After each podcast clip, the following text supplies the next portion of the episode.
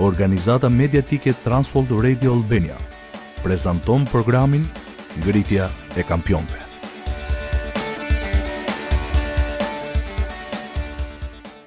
Xhoni goditi me grusht tryezën. Pse o njerëz s'i bëni gjërat siç duhet? Shpërtheu i zemëruar. Në anën tjetër të shtëpisë e shoqja Eshli, po merrej me pastrimin e guzhinës. Askush s'e shihte që i kishte sytë e mbushur me lot dhe mundohej të mos shpërthente në ngashërim. Mirë se vini në programin Ngritja e Kampionëve. Unë jam Albani dhe jam në studio bashkë me Pjerinin.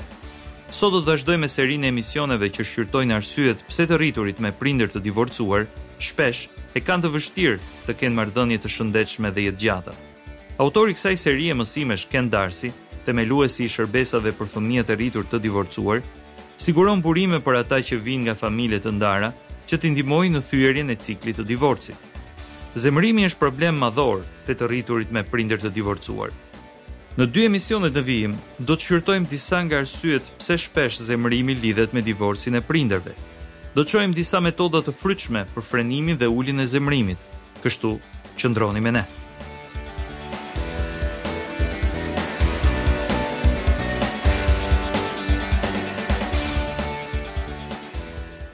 Përditë dëgjojmë lajme për zemërimin në shoqëri, por këtu në Ngritja e Kampionëve na intereson në veçanti ndikimi negativ i zemërimit në familje.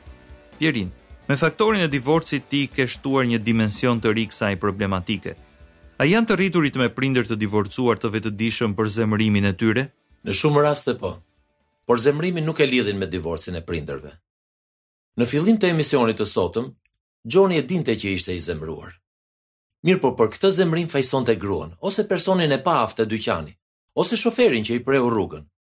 Po të gërmonte më thellë, Xhoni do të shihte se zemërimi i tij i kishte rrënjët te divorci i prindërve.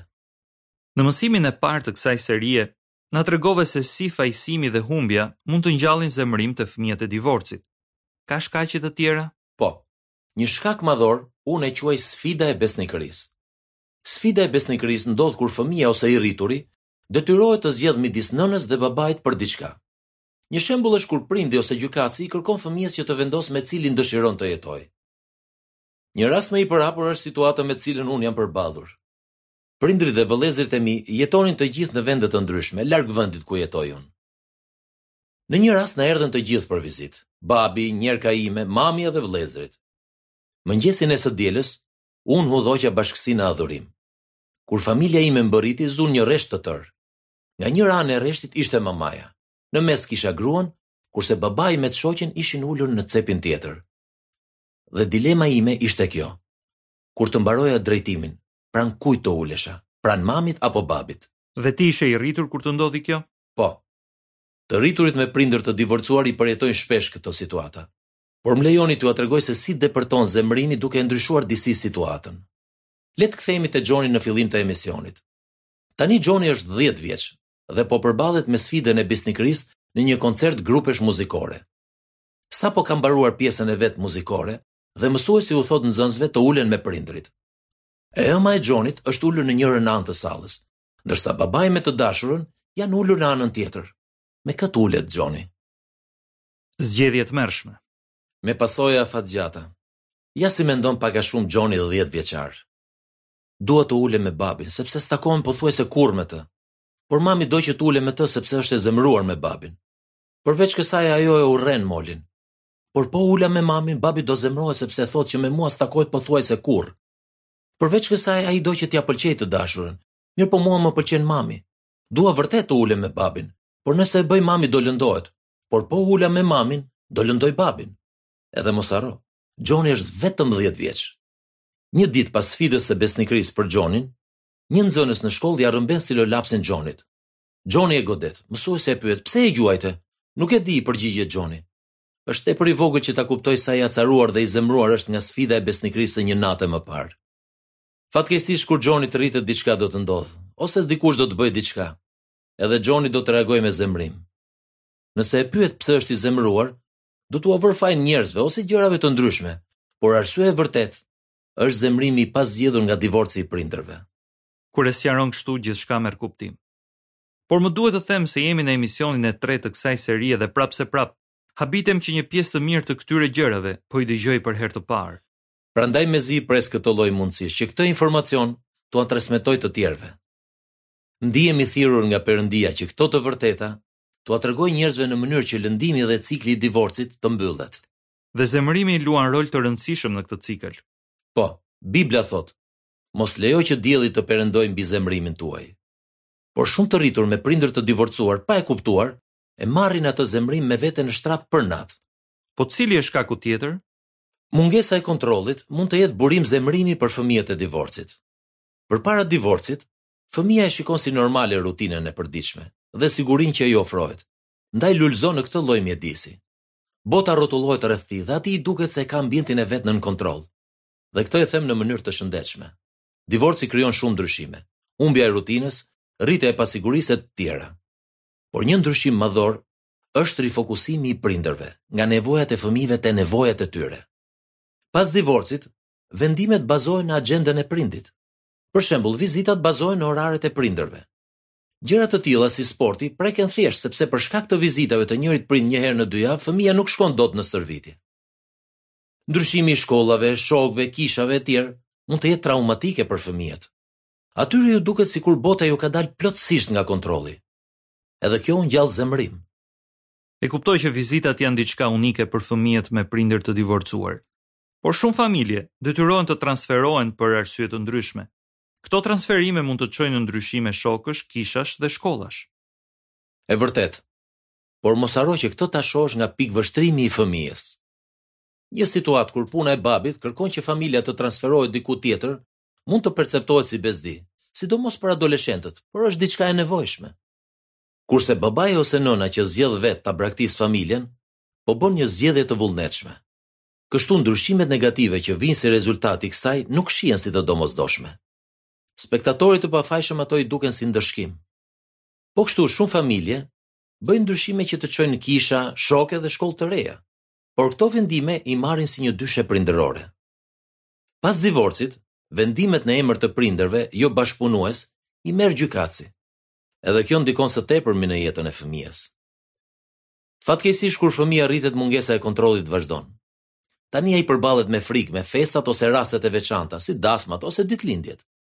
Kërkesat konkurruese të prindërve, njerkut apo ish-njerkut, e bëjnë të ndihet sikur ende s'ka asnjë lloj kontrolli mbi jetën e vet. Acarimi që duhet të përballet me këto situata vazhdon dhe nënprodukti i tij është zemërimi. Edhe kjo ka lidhje me një tjetër burim zemërimi, ai i vetë prindërve. Zemërimin mund ta përthithin dhe nga prindërit. Ç'do të thuash që e përthithim zemërimin nga prindërit? Fjalët e urta njëzet e dy, vargjet njëzet e katër dhe njëzet e pesë thotë, Mos lidh miqësi me njeriun zemërak dhe mos u shoqëro me njeriun idhnak, që të mos mësosh rrugët e tij dhe të mos gjesh një kurth për shpirtin tënd.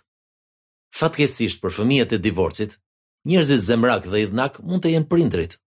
Dhe qëndrimi larg tyre nuk është i mundshëm. Nga lëndimi i thellë që mund të shkaktojë divorci, prindërit tanë mund të zemrohen, nganjëherë dhe të tërbohen, edhe kjo mund të vazhdojë për vite të tëra.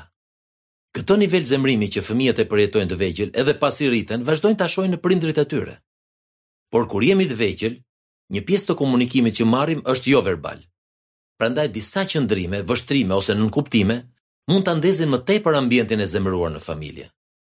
Fëmija i divorcit mund të jetë i zemëruar me prindin që është larguar, ose mund të jetë i zemëruar me mamin ose babin për gjërat e tmerrshme që thonë për ish-partnerin, që është babi ose mami të cilin fëmija e do shumë. Sido që të jetë kur fëmija ose i riu jeton në këtë lloj ambienti, është e lehtë të zemërohet, qoftë edhe thjesht për shkak se imiton prindin, Siç thotë Bibla, mësojnë të jenë si ata. Por vetë zemërimi nuk përbën gjithë problemin. Arsyeja pse zemërimi vazhdon edhe pasi fëmija rritet, është mungesa e një kanali konstruktiv për shprehjen e zemërimit. Përpos kësaj, zemërimi i pazgjidhur krijon ekspozim ndaj një numri sjelljesh negative. Varësia ndaj alkoolit, drogës dhe seksit përdoret si mjet çlirimi për zemërimin. Të përhapura janë dhe problemet shoqërore ose ato të sjelljes. dhe ka miliona të rritur me prindër të divorcuar. Po, dhe zemërimi po shkatërron shumë prej marrëdhënieve të tyre. Kam dëgjuar një histori Alban që ilustron dëmin që mund të shkaktohet nga zemërimi. Ishte një djalë i vogël që ishte nevrik. Një ditë babai i dha një çantë me gozhdë dhe i tha sa herë të nevrikosej, të ngulte nga një gozhdë në gardhin pas shtëpisë.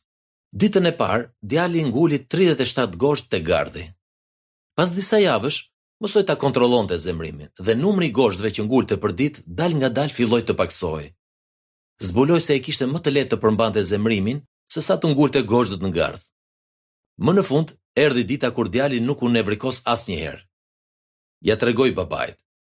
Dhe babai tha se tani duhet të shkulte nga një gozhdë për çdo ditë që do ta përmbante zemërimin. Ditët kaluan dhe më në fund djali i tha babait se gozhdët i kishte shkulur të gjitha. Babai e mori djalin për dore dhe e çoi te gardhi. I tha, Ia dole mbanë, por shiko gjithë këto vrima te gardhi. Gardhi s'ka për të qenë më njësoj. Kur thua gjëra nga zemrimi, lënë shenjë si këto. Edhe ky është mendim alarmues kur mendojmë për fjalët që i kemi thënë gruas, bijve dhe bijave tona. Bibla ka mësime shumë të qarta për zemërimin. Tek fjalët e urta 22, vargjet 24 dhe 25 thotë: mos lidh miqësi me njeriun zemërak dhe mos u shoqëro me njeriun idhnak, që të mos mësosh rrugët e tij dhe të mos gjesh një kurth për shpirtin tënd. Fjalët e urta 29 vargu 22 thotë: Njeriu zemërak kurdis grindje dhe njeriu idhnak kryen shumë mëkate. Atëherë si ta mposhtim zemërimin që të mos na vërë përposhtë? Herën e ardhshme do të diskutojmë për disa mjete që mund të na ndihmojnë ta mposhtim zemërimin.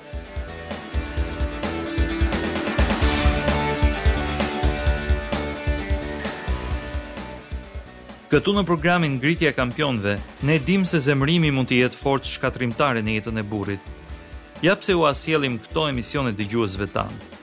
Për të mësuar më tepër për këtë seri, shko te faqja jonë www.championsarise.org. Kliko te Thyerja e ciklit të divorcit për të gjetur burime të rëndësishme. Po kështu na shkruaj një letër në Trans World Radio Albania kutia postare 130 Tiranë ose një email në adresën valeteungjillit@yahoo.com. Shpresojmë të na dëgjosh edhe javën e ardhshme, madje fto dhe ndonjë mik që të na dëgjojë. Do të vazhdojmë diskutimin për zemërimin te të rriturit me prindër të divorcuar. Ju falënderoj që morët kohë për të na dëgjuar në programin Ngritja e Kampionëve. Perëndia ju bekoftë.